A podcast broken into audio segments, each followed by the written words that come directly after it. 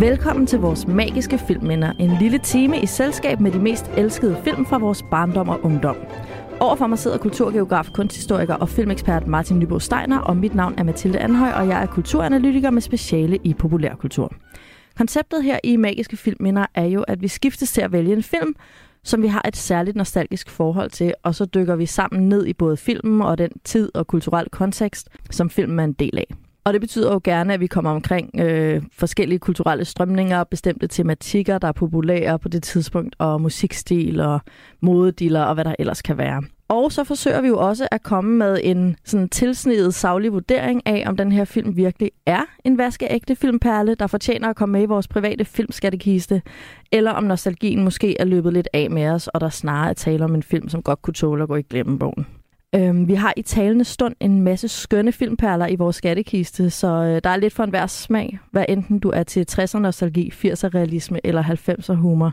Så er det bare med at downloade Radio 4's gratis app, og så søge på vores magiske filmminder og tage for dig af retterne. I dag er det jo din tur, Martin, til at øh, vælge et magisk filmminde. Hvad har du valgt, og hvorfor? Jamen altså, i dag har jeg valgt en film, som jeg helt ærligt kan sige, jeg har reel nostalgi for. Nogle gange, når vi laver det her, så, så lades vi lidt som om, og så laver det lidt tilsnidet om, at det er sådan, jamen, det er en klassiker, og vi har gode minder om den og sådan noget. Den her, det er, altså, det er en film, som øh, jeg har haft et meget sådan, nært forhold til, lige siden den kom ud. Det er Hannibal og Jerry fra 1997.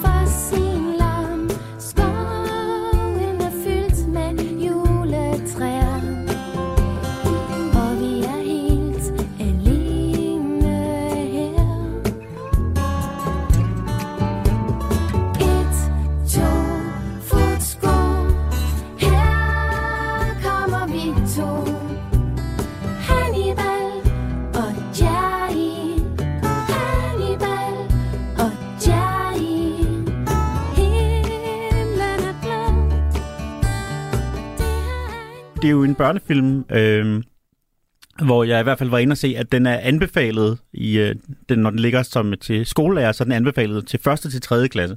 Mm. Øh, og jeg har jo så været 16, da, da den kom ud. Øh, men øh, jeg synes, den var rigtig god allerede dengang. Og, Jeg øh, får sådan et billede af dig som Nannas far, og sådan en kæmpe dreng, der sidder blandt alle børnene, og synes, det er mega fedt. ja.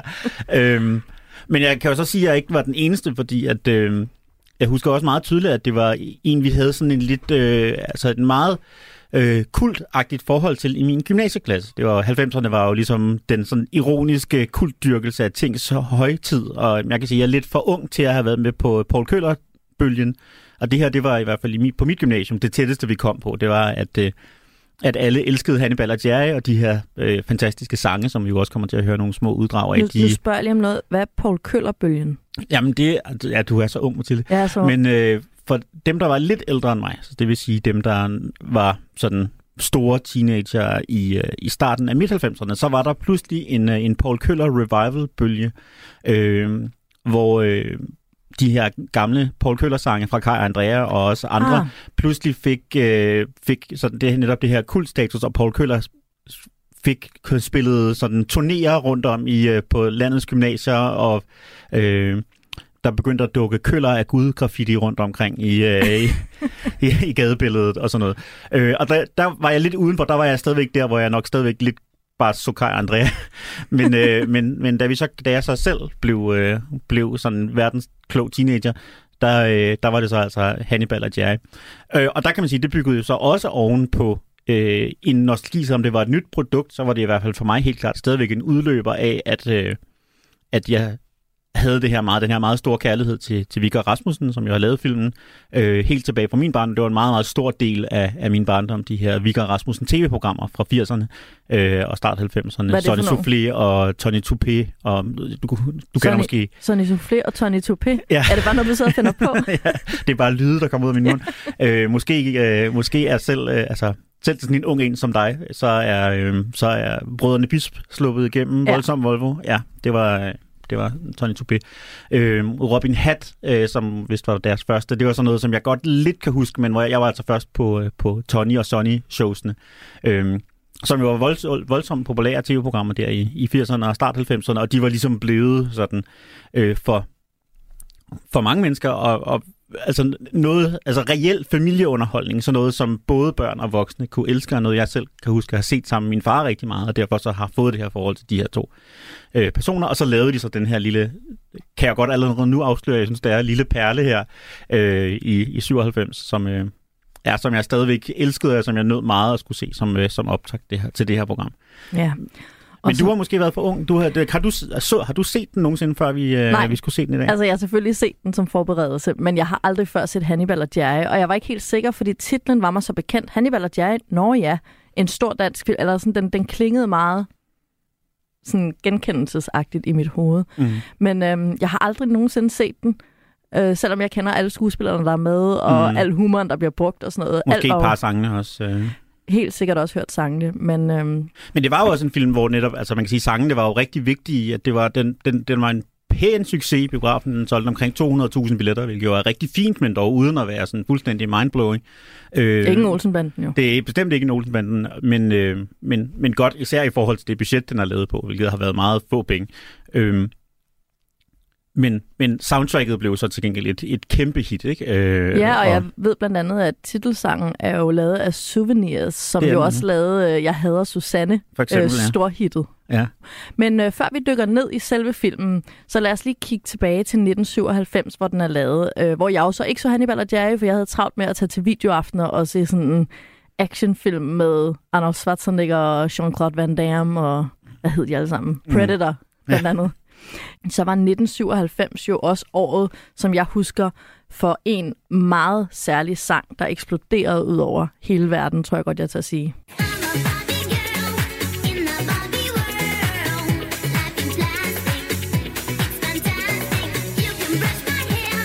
Det var så mega stort, da Aqua kom med det album, Martin. Ja, dansk, øh, dansk kultur peakede lige der, det må man sige. Fuldstændig. Ja. Altså, og Happy Boys and Happy Girls, og Dr. Jones, Wake Up Now, og Roses og Red.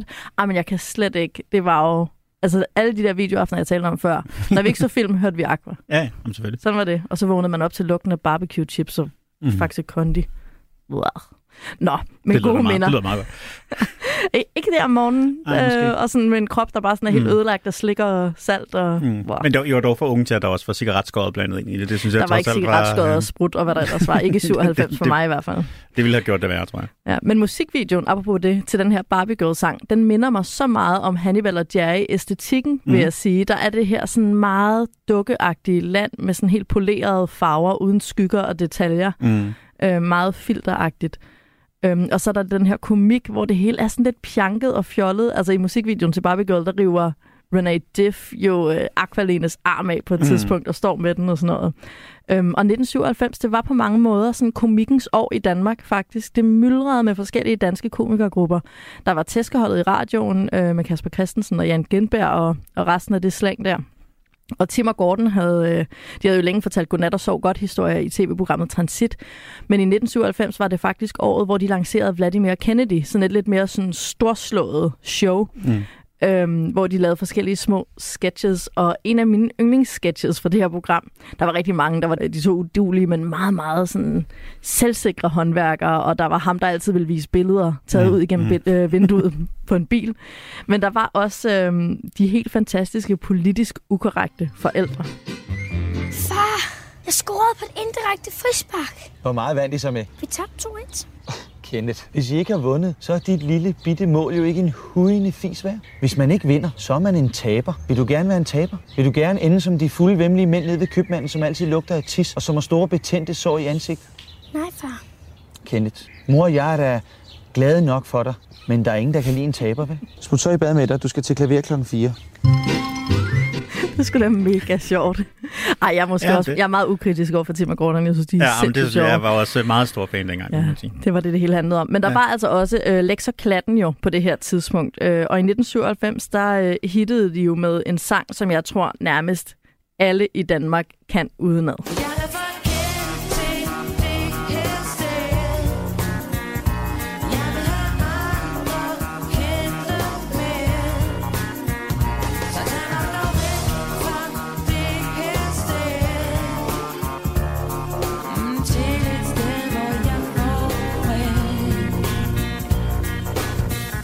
É. Og det er jo meget sjovt, fordi Lex og Klatten er jo det, der udgør hele øh, ryggraden på den her film, vi skal tale om i dag. Ja, og det er jo sjovt, fordi filmen kom jo ud, inden Lex og Klatten fik premiere, så de var jo ligesom veletableret som sådan en, øh, en, en gruppe, der lavede nogle sceneshows på et eller andet teater i København og sådan noget, men har altså ikke blevet sådan landskendte endnu. Nogle af, af, af skuespillerne var, men de var ikke sådan som gruppe kendte i, endnu. Vi men, kan jo lige øh, starte med at sige, altså to af skuespillerne kender vi jo alle sammen fra Bull og Fnes. Mm. Det er jo øh, Hella og Peter. Peter. Yngve. Peter og som Peter og er filmen. Ja, præcis. Ja. Og så øh, den anden halvdel er så øh, Paprika Sten og Martin Brygman.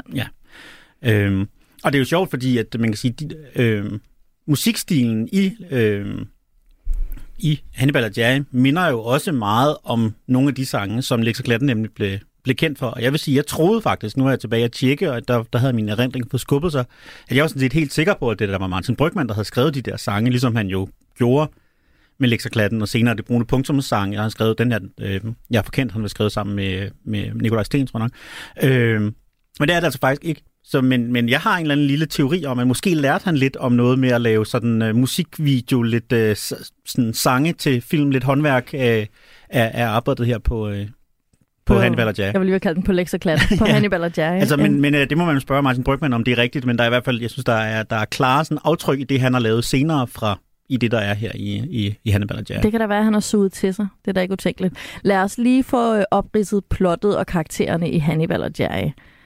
Øhm, vi har Hannibal, som er en dreng. Mm. Mm. Det er jo et populært navn, skulle jeg hilse at sige, nede fra børnehaven og fritten. Mm. Øh, der er indtil flere Hannibaler, mm. øhm, der leger med min Benjamin. Ja, men det er jo alle, det er jo vores generation, det er jo min generation, der får børn, ikke? Så det er sikkert opkaldt efter Hannibal. ja, det kunne det sagtens være. Ja, og så er der hunden Jerry, der kan tale. Mm. Øhm, men hvordan kommer de her to venner til at mødes, Martin?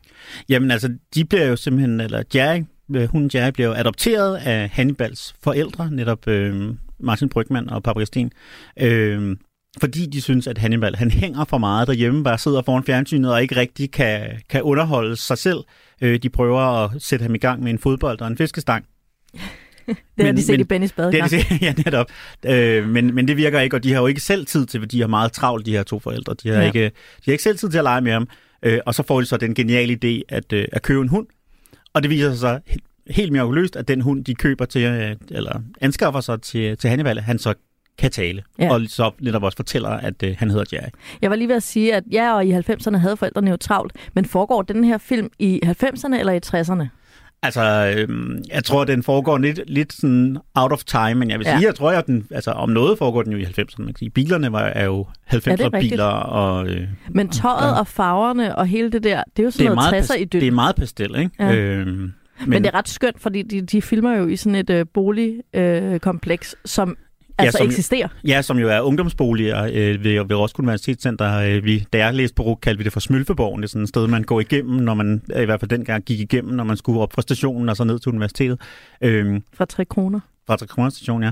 Øh, og som netop er særlig kendetegnet ved at være malet i de her dengang meget usædvanlige pastelfarver, lysebrå, lyseblå øh, blå og lyserød og lysegrøn og, Og lilla. Og lyselilla og så videre, ikke? Og, og har det her helt særlige unik. Og det synes jeg er noget af det, som man har gjort rigtig fint i den her film, det er, at man på en meget, meget nem og billig måde har skabt et sådan lidt ikke virkeligt univers. Ikke? Man. Ja. har ikke skulle ud og bygge et eller andet kæmpe. Vi har bare fundet nogle steder, som ser mærkelige ud. Ja. Øh, og, så, øh, og så har vi taget nogle, altså så har vi taget nogle sådan meget underligt udseende, men samtidig meget kedeligt udseende biler i fire forskellige farver, og så har vi ligesom allerede der, så har vi etableret et univers. børneverden, ikke? Ja. Altså et børneunivers, med, øh, ja, som netop virker Mm. ikke virkeligt, ikke? som Ja. virker lidt som en tegnefilm.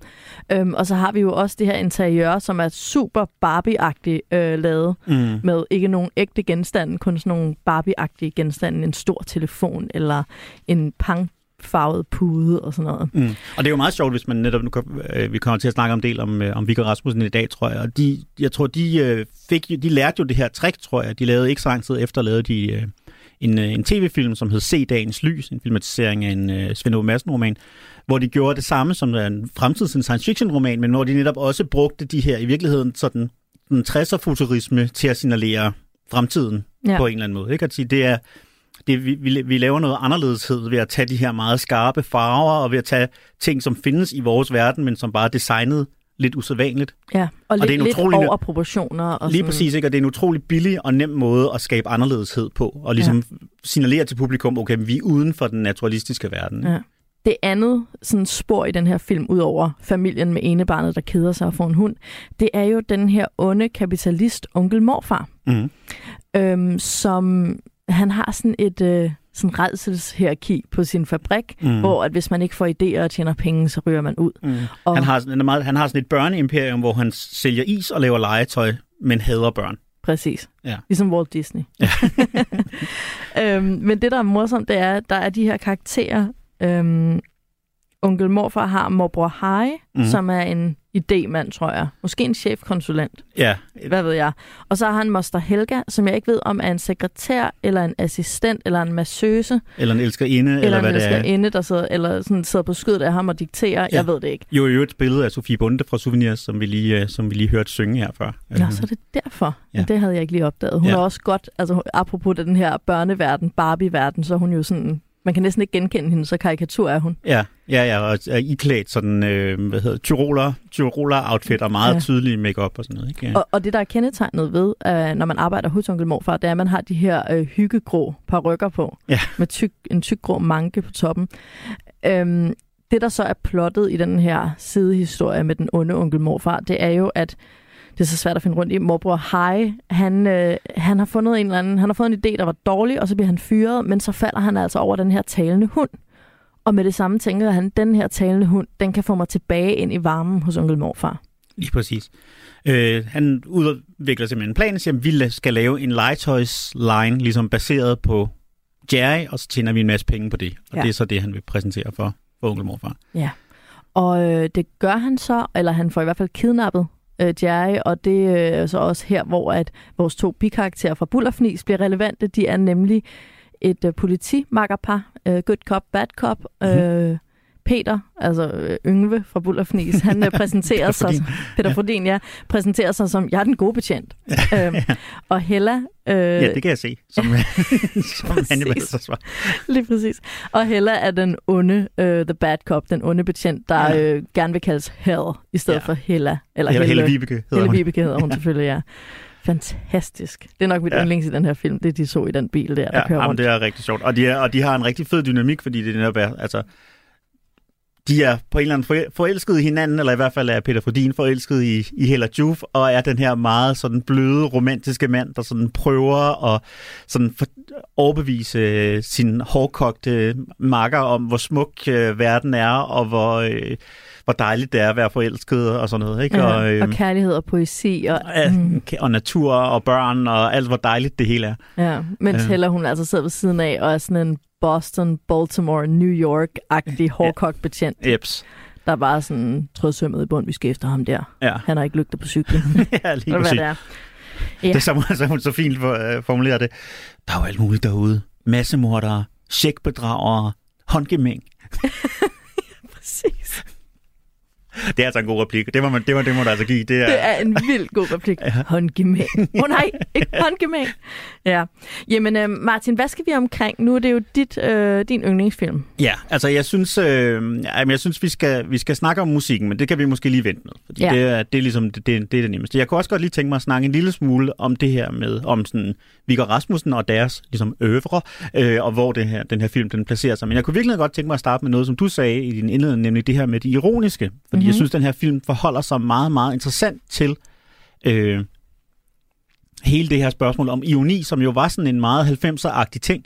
Øh, og den her film kan jo læses enormt ironisk, samtidig med, at den også må altså kan læses enormt indfølt. Og hvis man går tilbage og ser, hvad, hvad, hvad, hvad de ligesom sagde i interviewsene op til, så sagde de jo faktisk, at den her film var tænkt blandt andet som sådan et opgør med, med ionien. Det var tænkt som et dobbelt opgør. Det var den tænkt som et oprør mod sådan den socialrealistiske øh, børnefilm, og en tilbagevenden til de namechecker decideret i Nitush, som sådan en, en type af sådan lette, sjove, en let komik, som de gerne vil tilbage til. Øh, og så samtidig, så har de jo så valgt netop at tage de her, altså sådan indbegrebet af den ironiske 90'er-distance, Kasper Christensen og Lars Hjortøj i, i to af de bærende roller, og netop også øh, Martin Brygman og sådan noget. Ikke? Altså det, Hvem er, hvem er Lars Hjortøj og Kasper Christensen? de er øh, dem, der deler is. Dem, der instruerer øh, mor og Harry i, hvordan man sælger is. Og den? En almindelig øh, limonadeis. Issemand. Det er også en rigtig sjov scene, jeg synes jeg. Øh, det, er en, det er en vanvittigt sådan, ironisk på nogle områder distanceret film, og samtidig så, så dyrker den jo den her inderlighed og hjertelighed og sådan noget, og, he- og hele det her med, altså, brug dit hjerte som telefon, som jo er, sådan, er hittet fra, øh, fra, fra sang. Altså, det tror jeg faktisk, de mener. Altså, jeg tror, jeg, jeg tror faktisk... Er du sikker på det? Fordi jeg kan slet ikke mærke inderligheden i den her film. Ja, det tror jeg faktisk, det, det, det tror jeg, jeg synes, at jeg tror, at, at, at, at budskabet er, altså det her med, når man, man skal være åben, og man skal turde og elske, og man skal være Men- venner og sådan noget, det tror jeg altså rent faktisk, de mener. Hvorfor sidder jeg så med følelsen af, at det er plat at være åben, når jeg har set den her film? Jamen, det tror jeg, fordi du er, øh, du er ødelagt af, af al anden kultur fra de sidste Disney. 35 år. ja. Jamen, jeg tror bare, altså når, nu sagde du også, at et opgør med øhm, sådan socialrealistiske børnefilm. Jeg ved mm. ikke, hvad vi er ude i der. Er det sådan noget Bjarne Reuter-agtigt? Øh? ja, og, og jeg tror, at meget det her, altså i virke, ja, og Erik Clausen, som, Nå, ja, som vi jo har set tidligere, og sådan den, og, og, og måske det hele taget dansk sådan børnetradition, hvor der altid var, altså forældrene altid skulle skilles lidt, og man boede i en lidt for lille lejlighed i København og sådan noget, ikke? At, Ja. at, at Ja. lave, prøve at lave noget, noget til børn og unge, som bare var sjovt. ja. Og som var øh, fint og farverigt, og ikke var sådan Ja. triste Vesterbro-baggård. Lige præcis. Og som har en eller anden form for... Altså, man kan godt lede lidt og finde en eller anden form for kapitalismekritik nede under det hele, men der skal man, skal man lede længe, og det er i hvert fald ikke det, man sidder tilbage med bagefter. Ikke? Nej, Øhm. fordi det, der tager øh, fokus, det er jo den talende hund og de sjove replikker. Ja, ja, det er Øhm, det. Men ja, jeg må bare sige, at jeg har ikke, og jeg ved ikke, om det er fordi vores hovedperson Hannibal, som vel er den, man skal føle med, hans ensomhed i den her verden Mm. af voksne, der er sådan absurde på en eller anden, altså absurd voksne. Mm. Øhm, det er måske der, hvor jeg tænker, at de mener noget. Altså, de prøver faktisk Mm. at vise barnets Ja, også den der mormor, der sidder og ikke kan høre noget. Altså, Mm. der er bare sådan en afstand, og Hannibal bliver bare ikke set og hørt Mm. af andre end den talende hund. Nej.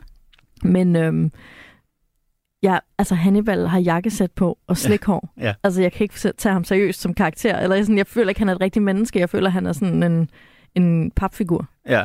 Han er et meget nuttet barn, synes du ikke det? Synes du altså, det? Ja, det synes han er rigtig. Ja. Han er utrolig nuttet. Er ikke verdens bedste skuespiller, men det kræver, bliver der så heller ikke krævet af ham. Der synes jeg på den måde, synes jeg også, det er et vel lavet sådan børne, børnemanuskript ved, at der bliver ikke for, langt, altså, bliver ikke Nej, bliver ikke for langt, for langt ham. for meget af børneskuespilleren. Der er en masse folk rundt omkring ham, som ligesom performer, og han skal bare stå og se sådan... Sød ud. Så, så Og, sød og han er jo en køn dreng. Jeg, er bare Ja. sådan, jeg vil bare gerne vide, hvorfor har han jakkesæt på? Er det fordi, at, at voksne ser ham som en lille voksen? Eller er det, fordi han selv bliver en lille voksen, fordi han er enebarn og ikke har nogen børn at lege med? Der er jo ikke andre børn i universet. Mm. Altså, hvorfor har han det der jakkesæt på? Jamen, det, er, det kan jeg ikke sikker på, at jeg kan give dig noget præcis svar på, andet end at det er også en del af æstetikken. Altså, selvfølgelig har man ikke, altså, selvfølgelig har man ikke bare sådan jeans og t-shirt på. Altså, det, er- Nej, det, det vil være for kan, naturligt. Det, det, kan, det, er ikke, det, det er ikke den verden, vi er i. Vi er i et sted, hvor, hvor hunde kan tale, og børn har jakkesæt på. Ja, Altså, så er det kan man sige, altså, det er jo, jeg vil godt, den her jo- film er jo baseret på en børnebog af Kim Forbogsen, eller faktisk en serie af børnebøger, som jeg godt ved, om jeg ikke har læst. Det må jeg så til gengæld lidt for gamle til, eller det forkerte aldersspænd, øh, kan Mm. man sige. Så jeg tror, der er så også en del af det, der kommer derfra. Øh, blandt andet tror jeg, det er med jakkesættet, men det er jeg så ikke 100% sikker på. Øh, så vidt jeg har forstået, så er altså Hannibal og Jerry er ret langt fra bøgerne, men at der er nogle overordnede ting, især faktisk netop replikkerne, der er nogle bestemte af de her udtryk, især Martin Brygmans replikker mm. øh, og Paprika Stens replikker, det her med, hvad det nu hedder alt sammen, som hun siger efter næsten Ja. ja. hver sætning, øh, kommer fra bøgerne, ikke? Men, Ja. ja. men, men en masse af det andet kommer så fra, fra Viggo Rasmussen. Ja, jeg tænkte bare sådan, der er jo også en eller anden spejling i, at hunden kan tale, altså hunden er over sit niveau, og. Mm. Hannibal har jakkesæt på. Altså det er som om, de begge to er mere end deres naturlige væsen, mm. Eller på en eller anden måde Ja. øh, overciviliseret, ikke? Ja, og jeg tror, det er netop, det er jo sådan en, altså det er virkelig sådan en, en hævet, altså en overrealisme agtig virkelighed, ja. vi er i, ikke? Og det er, også, det, det er også derfor, at der er så mange, altså, jeg synes, der er ret mange jokes, hvor de også arbejder netop med, med sådan fiktionsplanen i sådan, vi, vi skal ud og finde en, øh, altså, det de skal ud og finde Jerry, nå, men så er det jo ikke fordi, at det er sådan en lang sådan detektivjagt, de så bare afsted sådan, om der var han. Ja. det jeg virkelig, det, Det er sådan et tomt øh, marklandskab, og Ja, når og der altså, var han. der er jo ikke andre mennesker i verden, end dem, Nej. der er med i, altså dem, der har roller. Så derfor så er det jo også rimelig nemt at finde hinanden, fordi Ja. det er de eneste andre mennesker, der findes. Præcis. Det er, og det er jo meget, det er jo meget ideelt lavet. Ja. Men, det- altså, men, men, altså, men, men det her, jeg synes, at castet er sindssygt godt, og det er jo det, den lever på. Den lever jo på gode replikker, som bliver spillet af charmerende mennesker. Ja. Men, og jeg må også sige, når jeg ser den nu her, altså det er jo også noget, der trigger min nostalgi, det er, at jeg elsker alle mennesker, der er med i den her film. Ja. Altså, og man bliver glad hver gang, altså, når der kommer en ny karakter, så glæder man sig bare til, hvem det er, fordi jamen, det bliver da sjovt at se. Og så sådan, ja, hvem hey, bliver fået til at spille den? Hvem den er for sådan, sådan hey, oh, der, nå, der er Jytte Appelstrøm, og fedt, der, der, der, Ja. der, der er Peter Olbæk, det er da lidt mærkeligt. Hvor er Og han? Han øh, spiller øh, øh, ham der, der står ude i sneen, øh, som de ser i fjernsynet på et Ah, ja. tidspunkt. Øh, ja, der er Alex Nyborg Madsen, og det var det sjovt, ikke? Apropos, apropos det, så øh, ser vi jo lige pludselig Peter Myggen Peter Myggen, ja. komme kørende og Ja. er glarmester. Ja. En glarmester, der godt kan lide at bremse hårdt op Ja. med sin glarmesterbil. Ja.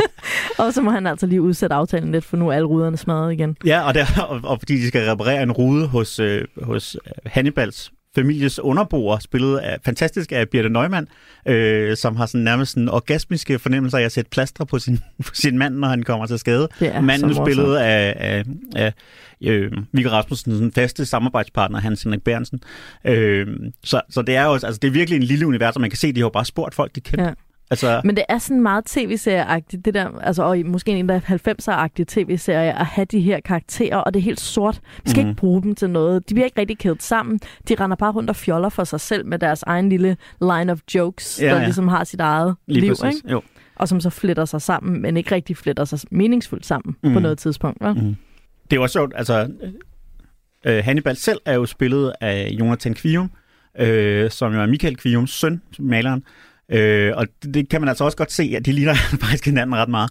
Ja. Øhm, og det betyder jo så også, at, øh, at Hannibal han er også en lille smule ligner de her øh, monstre, der tit er på Michael Kviums malerier, hvilket gør ham og hele scenariet en lille smule uhyggeligt, hvis man sådan Ja, er bekendt med Michael Kviums univers. Men det har der nok ikke været så mange børn, der har, der har været på det her tidspunkt. Nej, Men det der kunne er kun altså, være en eftertanke. men, men det er altså faktisk lidt, lidt, lidt pudsigt, når man først har fået det ind i hovedet, og så sige, okay, vi, jeg, jeg kan se rigtig meget et kvium-monstre i det her lille, meget, meget nuttede barn. Og det er i forvejen et surrealistisk univers. Og apropos uhyggelige ting, så den der onkel morfar Ja. øh, karakter, Mm. øh, så jeg i, der var sådan et program med Her er dit liv, Peter Fodin, Ja. hvor han fortæller om alt muligt halløj, og blandt andet er Paprika Sten også med på scenen, og snakker om nogle af de sketches, de har lavet, og så fortæller de, at Paprika Sten faktisk ikke var med på det hele, som øh, Peter Fodin og Hella og øh, Mm. Martin Brygman øhm, fandt på. Nej. Øh, blandt andet så fandt Peter Fodin på en sketch, en pædofili-sketch, mm. øh, Mm. incest-sketch, tror jeg, som øh, drejede sig om den her karakter, onkel morfar, Ah. øh, som hun bare synes var alt for upassende og ikke ville have noget med at gøre. Og onkel morfar optræder jo så her, og du, det har jo ikke noget med incest at Nej, gøre, nej. og den ville heller aldrig være gået i en biograffilm. Jeg ved ikke, hvad han har tænkt på, Peter Fodin. altså sådan, men sådan er det med kreative hjerner. De, sådan, de det. har ingen grænser, og det er problemet og genialiteten. Mm. Øhm, men det er godt nok en vild, altså bare titlen Onkel Morfar Ja. lyder næsten lidt pervers. Ja, ja, ja, helt Gør den ikke det? Jo, jo. Også bare sådan, at du både min onkel og min morfar, altså mm. så Mhm. går tankerne jo til fritid og Ja. kælderen. Ja. Uh. Og samtidig kan, må det jo også være et, et, det må også være et spil på Fedt og BR, tænker jeg. Altså, det må være... Nå, ja, selvfølgelig. Øh, det her med, med en, en, altså, en legetøjs øh, pusher, der ligesom foregiver at have en eller anden familiær relation. Præcis, som i virkeligheden er kapitalismen klædt ud som sødt legetøj. Ja, lige Ja. ja. præcis. Øhm, et andet spørgsmål, jeg har til dig, øhm, et, et lille smule kritisk spørgsmål, det er, når man nu har den her, altså plottet drejer sig om jo den talende hund, Mm. hvorfor er den talende hund så ikke sjovere? Ja. Skal vi ikke gå en tur i skoven? Lad os nu bare se at komme afsted. Altså, den har den der øh, sådan hæse gammelmandsstemme, og den siger aldrig noget interessant, den siger heller aldrig noget sjovt. Mm. Den er simpelthen så stenet. Mm. Hvordan kan det være?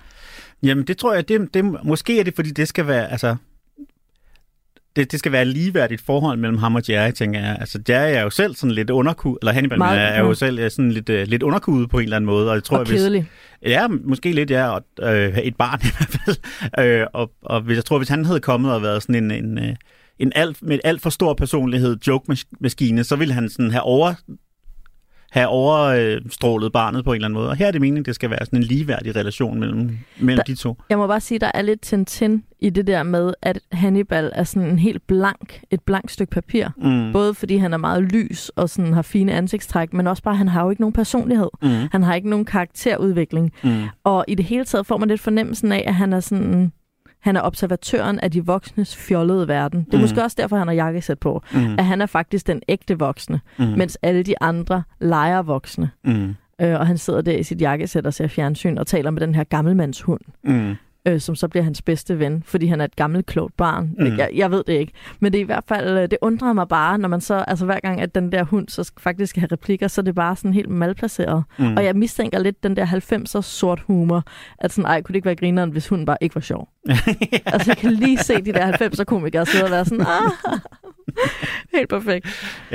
Jamen, det, kan du, det, det kan du sagtens have ret i. Altså, jeg synes ikke, det gør så meget. Altså, jeg synes, der er rigeligt i den her film, og jeg tror måske nærmest, det ville have været, hvis, altså, hvis, hvis, der sådan skulle gå sådan Sonic the Hedgehog i hunden, at han ligesom skulle gå ind og så overtoppe, at det havde været for meget. Altså, så havde vi virkelig været ude. Altså, vi er på kanten af et sukkerchok allerede fra den her film, ikke? True. Øhm, Men apropos humoren i den her film, øh, så er der bare meget af den, jeg sådan ikke... Jeg ved ikke, om jeg ikke forstår den, eller om jeg ikke synes, den er sjov, eller hvad det er. Men, men lad mig starte med at prøve at åbne mit sind en lille bitte smule og sige, kan du nævne øhm, tre ting i den her film, som du synes er sådan humor? Hvis jeg, det første, der lige falder ind, øh, det er altså den, den sang, som Peter Fordin synger til Hella Joof, den hedder Kærlighed. Øh, som jeg synes er ret sjov, som jeg synes er ret er en god sang for det første, men også er ret sjov, og hvor der er nogle, nogle gode replikker, altså det her, hvor han, hvor han altså, da han sådan fortæller, at han gerne vil have hende med på date, og han vil gerne, og så siger han, jeg vil gerne forme dyr af dine lår. Det er en ret sjov vurdering. og, og, han gerne vil invitere hende hjem på en pastaret, og hun så bare, øh, og hun så sådan, er lidt afvisende, og han så sådan ekskal, fra 0 til 100, så bare, det er bare en pastaret! det er så rigtig sjovt. Skal vi ikke bare tage hjem og lave en pastaret hos dig? Det der med udenlandsmad, det har aldrig været mig. Hvad med en kir på terrassen, mens jeg laver mad? Lidt nye kartofler og koteletter i fad? Jeg er ikke sådan en pige, der lader mændene komme nær. Jeg vil raspe din hæle og nuller din tæ. Eller det gider lige at styre dig, det uler mit hår. Jeg har helt vildt lyst til at forme små dyr af din lår. Så slap dog af. Altså, det synes jeg er rigtig sjovt. Øhm, Ja, noteret. øh, jeg synes, nu har jeg jo ikke forberedt det her, så jeg skal lige sådan tænke igennem, Ja, ja, Øhm, helt fair. Og det skal ikke alt sammen kun være fra Peter Frodin. Jeg havde også, vi havde også et, og Hella Joof, vi havde også den før med, øh, med, med, med øh, massemordere og slikbedrager. Ja, Øhm, og håndgemæng. og håndgemæng, ja. Øhm, jamen altså, så jeg synes, ja, det, og jeg synes også det her med, øh, med de her to is-sælgere, øh, Kasper Christensen og Lars Ah, ja. er ret sjovt. Mm. Øhm, jeg synes faktisk også, at det fungerer, altså i forhold til, at det er verdens ældste joke, er jo nærmest en gentagelse af en joke, vi har set i, i Far Lever Sov, så jeg synes faktisk også, at det fungerer ret godt øh, med, øh, med Jytte, Jytte Appelstrøms, den her gamle mormor, som ikke som altid hører tingene lidt forkert. Ja. Øh, Jamen, det Og synes jeg hvad- måske også er meget sjovt. og Lars Brygman, hun sidder og drikker portvin på et eller andet tidspunkt, hvor det er lidt upassende, hvor hun så spørger sådan, hvad drikker du? Og det er bare en, det er bare en sweater, eller en, hvad det nu er, ja. Altså, fordi hun, altså, hun hører det som strikker, fordi hun også hun ja. sidder og strikker og drikker samtidig. Altså sådan noget, det, Ja. det synes jeg også Der er lidt øh, en, en mild version af fru Fernando Møge fra Matador, at hun sidder der og ikke hører noget og er fuld. Ej, Ja, det, er ja. måske, det er måske en blanding af Misse Møge og fru Fernando Møge. Ja, vi Ja. har at gøre med her. Ja, okay. Noget af det, jeg så ikke synes er sjovt, ud over hunden, som ikke er sjov, det er, øh, og jeg elsker Paprika Sten i alt, hvad hun laver, men det der, den der replik, du også sagde, blev gentaget fra bogen med, og Mm. hvad det nu hedder alt sammen. mm, Altså, jeg bruger den en gang, måske to, mm, og ikke mere. Hun siger den hele tiden. mm. Jeg synes, det var så irriterende. Ja. Det må, ej, jeg, jeg er ked af det, men jeg, jeg var bare sådan lidt...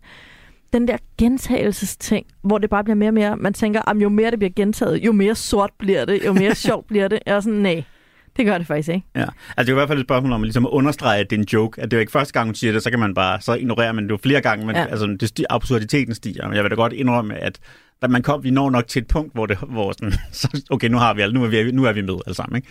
Ja. Øh, men jeg synes, altså, jeg synes jo, at, at Paprika Sten er lidt et, sådan et, et undervurderet komisk talent. Altså, det var også derfor, jeg elskede Laserklatten. Jeg synes ja. virkelig, virkelig, det var sjovt. Og jeg synes, at at netop, hun gik jo så ud af det på et tidspunkt, så der kun var de andre tre tilbage, og der kunne man virkelig se, at de manglede Ja, det, hun kan. Ja. Og hun er jo, og hun er, altså det der... men så kunne det jo være, at Peter Frodin skulle lade være med at lave onkel morfar incest-sketches, for hvis de gerne ville ja. have beholdt hende. For eksempel ikke, og man kunne se, det blev jo meget mere sådan dirty, efter hun, altså i, den, i det brune punk- punktum, ikke? Altså det blev Præcis. meget mere sådan Men er hun- grænseoverskridende og vulgært, og det har, det har hun været for, det har hun været for classy til, det vil hun sige. Jamen, hun har jeg, meget klasse, Paprika Sten, og så Ja. har hun jo også måske lidt mere sådan følsomhed og sjæl end mm. de andre. Altså mange af de roller, hun har i, i danske film, er ret rørende. Mm. Mhm. Altså det er virkelig nogen, som rammer ind i hjertet, om det så er en stresset mor, eller du ved, det, Mm. mm. man, hun kan virkelig, hun har bare nerve på Mm. mm. Ja, og så er hun, altså, så udstråler hun så utrolig meget intelligens, og samtidig er hun utrolig god til at spille Fjollet. fjollet og, ja. og, og sådan helt øh, bimbos, ikke? Altså, jeg tror, Ja. ja.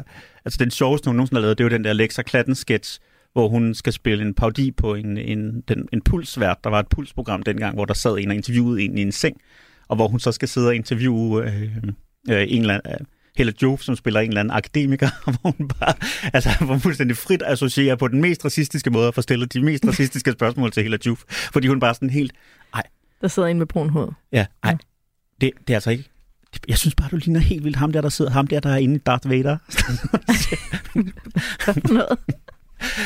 Det, er sådan nogle ting. Det er, Ja, okay. find den på YouTube, det er utroligt sjovt. Jeg mener også, er det ikke også Papa Gasten, der synger den der med, at hun trives bedst med hvide mennesker? Jo, lige præcis. Ja. Øh, Det var i 90'erne, hvor man bare kunne joke med... hvor man, ja, Men det var jo 90'ernes forsøg på at gøre op med racisme. Det må man jo huske også. det, at- det skal man, øh, det skal at det var den måde, man huske. gjorde det på. Det, det var en anden tid, Martin. Ja. Nå, men hvad, jeg kunne godt tænke mig at høre, hvad, altså, hvad du synes om sangene. Fordi jeg synes, jeg synes jo, man kan... Jeg, jeg har meget svært ved at, at, at forholde mig objektiv. neutral til ja. den her film, men jeg, jeg tror faktisk, jeg vil sige, at jeg synes, at det er nogle objektivt gode pop-musical-sange, der er med her. Ja. Hvad, hvad synes du om det? Jeg synes, de er helt vildt kedelige. Ja. Altså, jeg har det sådan... Jeg, de mærkes nem, næsten sterilt på mig. Ja. Altså, når de sådan bryder ud i dem. Jeg kan ikke engang finde melodien, for de er så overproduceret og, og fjollet og overgivet. Og både den der min hjerte er min telefon, hvor det er rigtig sådan, vi, vi leger. Ikke? Altså, jeg synes Mhm. bare, at ironien tager overhånd, og jeg synes netop ikke, inderligheden trænger igennem. Og jeg kan ikke huske nogen af melodierne. Øh, ej, jeg vil sige, den der Souvenirs titelsang, den Mm. har det måske med at sætte sig lidt fast ind i mit hoved. Men den er ikke god. Jeg synes ikke, nogen af dem er gode. Jeg gider ikke høre nogen af dem igen. Altså, og det, jeg ved ikke om... Jeg er måske heller ikke det bedste, fordi jeg kan kun lide musik, jeg allerede kender. Altså, som jeg har hørt, før jeg var 16. Ellers så er det et lost cause. Men altså, der, der kunne det her jo godt være, være noget af det, kan man sige. Fordi det var jo faktisk en hit, før du var 16. Ja, men øh, der har jeg måske kun hørt sange før jeg var, fra før jeg var 10. Så det har måske Ja. ikke været... Der er ikke noget, der trængte ind. Nej, jeg synes bare, de er kedelige. Øhm, jeg synes til gengæld, at den måde, de får flettet sange ind på, Mm. som er rigtig klassisk 90 også, at vi bryder lige formatet, og så siger vi, ej, undskyld, men jeg synger lige en lille sang. Ja, jeg bliver lige nødt til at synge en sang om Jeg det her. bare lige hurtigt, der kommer Ja. lige en sang. Det er mega sjovt, og det fungerer ja. så godt. Især, jeg er jo en kæmpe musical-fan, og musicals øh, i den gode gamle form er jo bygget op omkring, at man glider fra syngende samtaler til mm. ægte sådan store sange, Mm. og så tilbage til syngende samtaler, en enkelt replik, en syngende samtale, tilbage til en stor sang. Den, det er meget vigtigt, at man ligesom ikke får brudt, øhm, hvad skal man sige, får brudt universet, som Mm. skal være syngende. Mm. Og det er det bare sådan, de gør det ultra klodset på den bedste måde mm. i den her film. Det, og det er hver gang, altså fra den der hundekendelsang. Ja. Bare sådan, og det der med, de undskylder også, ej, undskyld, vi afbryder lige filmen et øjeblik for at lave en sang. Det, ja. det er bare sådan en morsom måde at i talesætte det der med, som jo er en helt reel ting, at nogle film ser man ikke for sangene. Mm. Så det er skide irriterende, når, åh oh, nej, nu kommer der en sang til. Ja, ja. Øhm, så det, det, er, det synes jeg er vildt morsomt fundet på, og helt perfekt udført Mm. med de der ting. Men, men så Ja. hver gang sangene spiller, der har jeg bare lyst til at sådan skrue ned for lyden. Mm. Jeg synes, det er så irriterende. Og jeg elsker alle sangerne. Altså, Ja. jeg elsker Lexa Klatten. Jeg elsker alle de der. Men jeg synes bare ikke, det er gode sange. Og det, det, er, det er simpelthen ikke, altså det er jo et smagsspørgsmål, det kan man selvfølgelig ikke, men der, der, ja, der, der, det er jeg simpelthen ikke enig i. Altså jeg synes for eksempel at bruge dit hjerte som telefon, det er, det er en lille, en lille popperle. Altså det, det er virkelig, og, Men og det er også derfor, jeg jeg, troede, at det var en, en Martin Brygman-produktion, fordi det jeg synes, den er på niveau med sådan, hans sange, når de er allerbedste. Ikke? Ja. Øhm, som jo også altså, er sådan nogle sange, der altid er alt for meget af alting. Altså Ja. det er virkelig, flød, det er virkelig flødeskum med flødeskum på, ikke? ja. Men, øh, men når det virker, så Men virker det det. burde jeg bare godt kunne lide, og alligevel så synes jeg, at melodien er kedelig. Mm. Men hvad er top 3 af sangene? Øhm, jamen, jeg har jo aldrig været så vild med titelsangen i virkeligheden. Nej, øhm, Den er også åndssvag. Ja, øh, selvom jeg faktisk rigtig godt kan lide souvenirs. Det kan jeg også godt. Øhm, Det er, bare, men- det er meget mærkeligt. Men det igen bliver det for meget for mig. Ja. Jeg er sådan, mm, sukkersøtte. Ja, altså jeg tror, at min, min top, personlige top 3, det er, jeg synes, Kærlighed. Det synes jeg er en virkelig den er en rigtig god sang og rigtig sjov. Mm. Øh, og det er altså Peter Fordin og- på politibilen. Ja, og jeg synes, at Peter Fordin er en rigtig god sanger også, faktisk. Jeg kan godt, godt lide den Mega god sanger, ja. Øh, ja, og så brug din hjerte som telefon, som jeg faktisk synes er en rigtig god, sådan meget, altså en, selvom den er smækket ind i lag af ironi, så synes jeg faktisk, det er en rigtig god kærlighedssang, og et rigtig fint budskab på en eller anden måde. Øh, Og så tror jeg, at den, som måske er den første øh, sang i filmen, den her med humleriderne øh, hænger ud, øh, sangen. Det synes jeg faktisk også er en rigtig god sang, og, og måske, vel, måske sådan humleridernes næstbedste sang efter, efter Malerhjerne. Ikke? Øh, Ja, okay. Og, og hvad for en vil du så vælge? Som den Som- sang, der skal spilles til din begravelse? Ah, men så, altså, hvis det er til begravelsen, så, så tror jeg det. det. ja, vi hænger ud.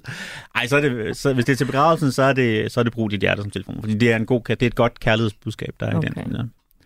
Øh, men ja, jeg synes, det er nogle rigtig gode sange.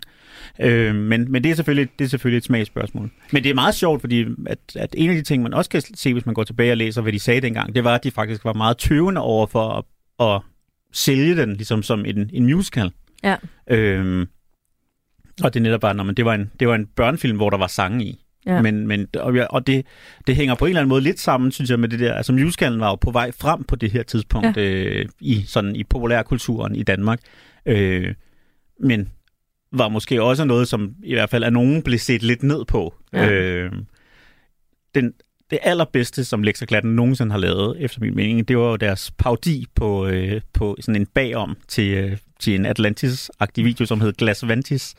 Øh, altså, som virkelig var så ondskabsfuld i sin sådan udleveren af sådan musical-miljøets selvhøjtidelighed og, og sådan det latterlige ved den der genre på en eller anden måde. ikke? Så det var også det var virkelig noget, man kunne latterliggøre på det her tidspunkt. Det, var Det synes jeg musicals. bare er så strengt. Og måske Men- men... det er, fordi jeg elsker musicals, men ved du hvad, det er så nemt at latterliggøre.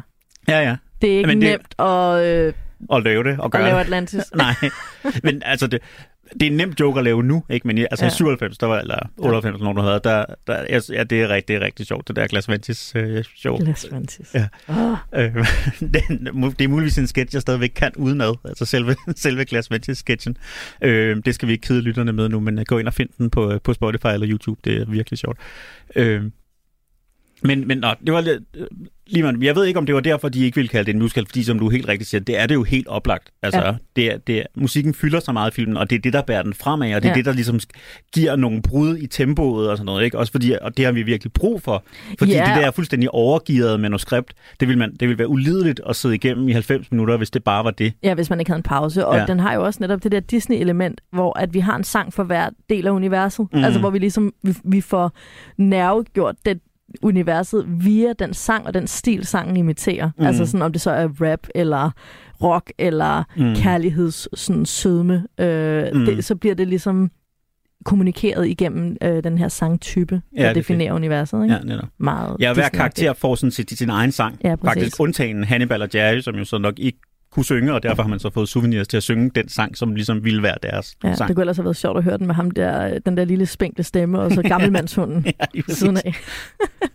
Nå, øhm, Martin, vi skal have truffet en beslutning omkring, omkring Hannibal og Jerry, om den skal i vores øh, filmskattekiste som en ægte filmperle, eller om du måske er blevet fuldstændig skør i hovedet af nostalgi, øh, og overvurderer den her film helt vildt, fordi den faktisk hører til i glemmebogen. Mm.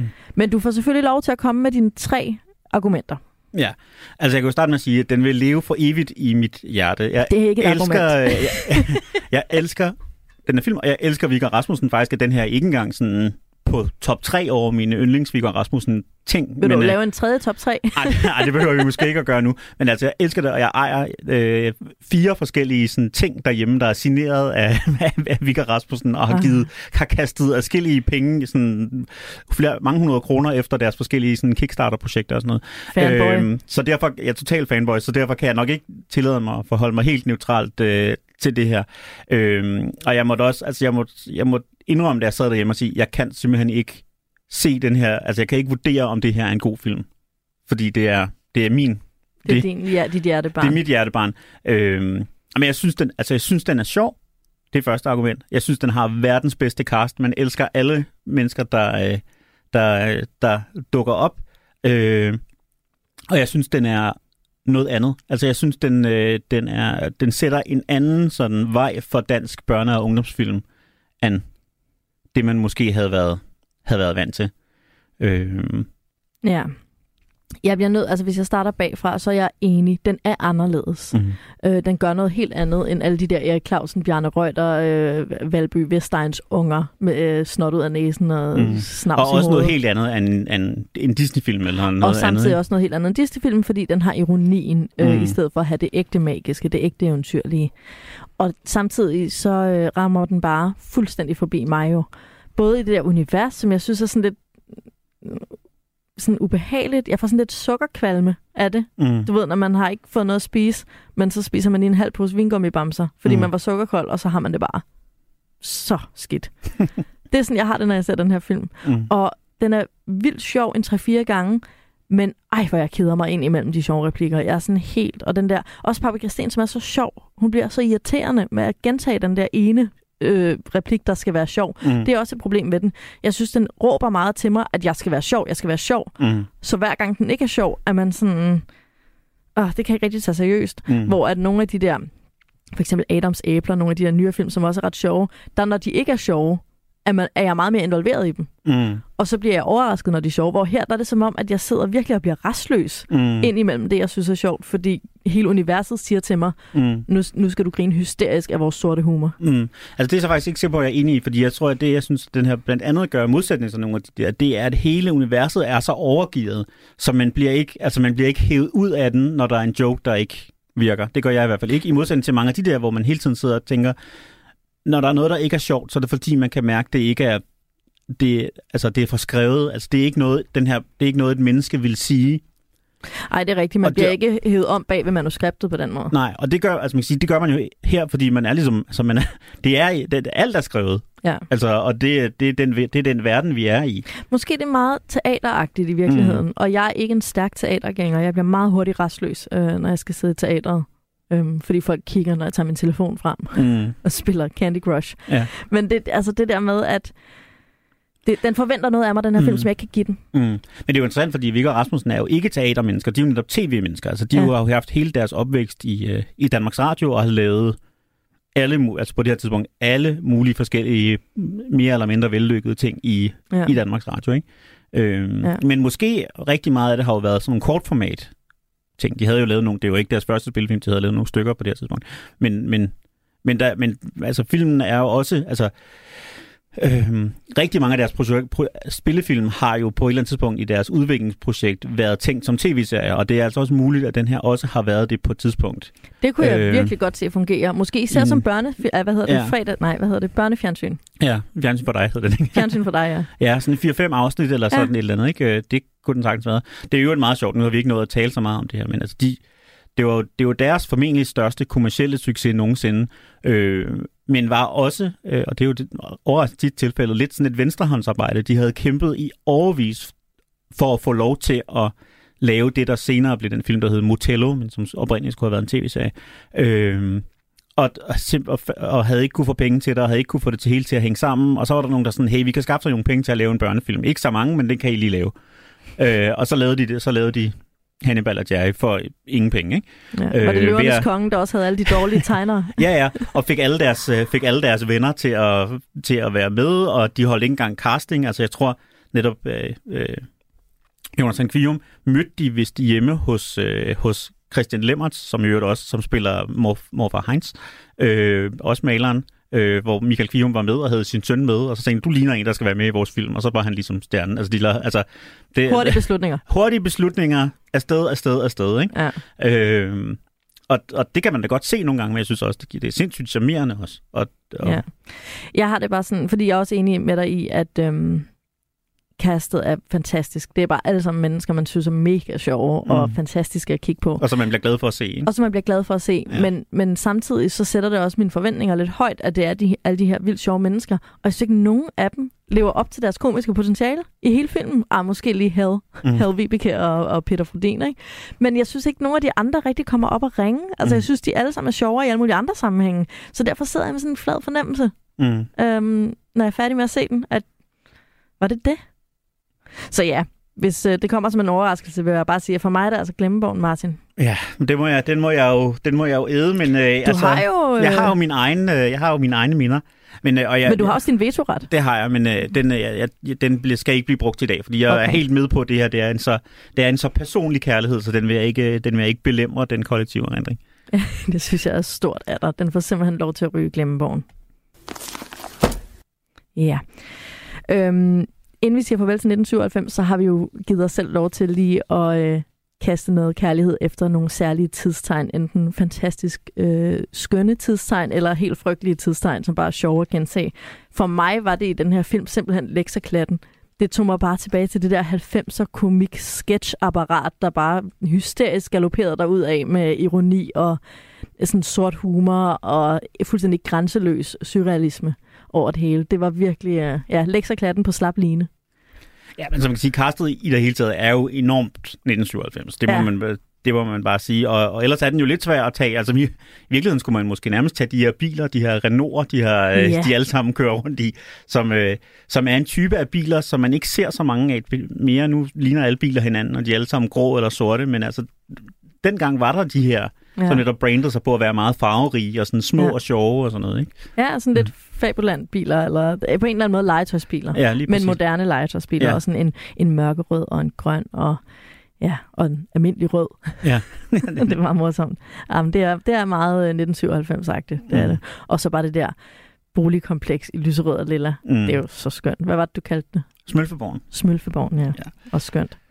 Ja, men øh, farvel til 1997 og Hannibal og Jerry. Farvel for evigt, for nu den i glemmebogen. I næste uge er det jo min tur til at vælge, øh, og det betyder, at vi skal, øh, vi skal på en lang tidsrejse. Vi går fra 1997 tilbage til 1959. Øh, det bliver den første film fra 50'erne, vi skal se. Så indtil videre den ældste, øh, det ældste filmminde, øh, som vi har fingre i her i programmet. Ja, og nok også den film med de ældste studenter, vi nogensinde har set. Du er så sur på Ove Sprogø, bare fordi han er 40. Nå ja, Det kan da være, han er gået om. Det ja jamen, det er da rigtigt. ikke. Nej, Det er der ikke alle, der lige kan tage en studentereksamen på. det er rigtigt, og det, man, skal 3-4 jo, man, skal jo, altså, man skal jo rose folk, der får taget en uddannelse sent i livet. Det synes jeg er... Præcis. Hvad Ja. er mere livsbekræftende, Ja. end en, at være student som 40-årig? Ja. Det er så Altså, det måske lidt så- et problem, at han gerne vil bage på Gitsen Nørby. ja, og hvis karakter ikke er fyldt 18 endnu i filmen. Men ja, altså, præcis. Om sådan er det.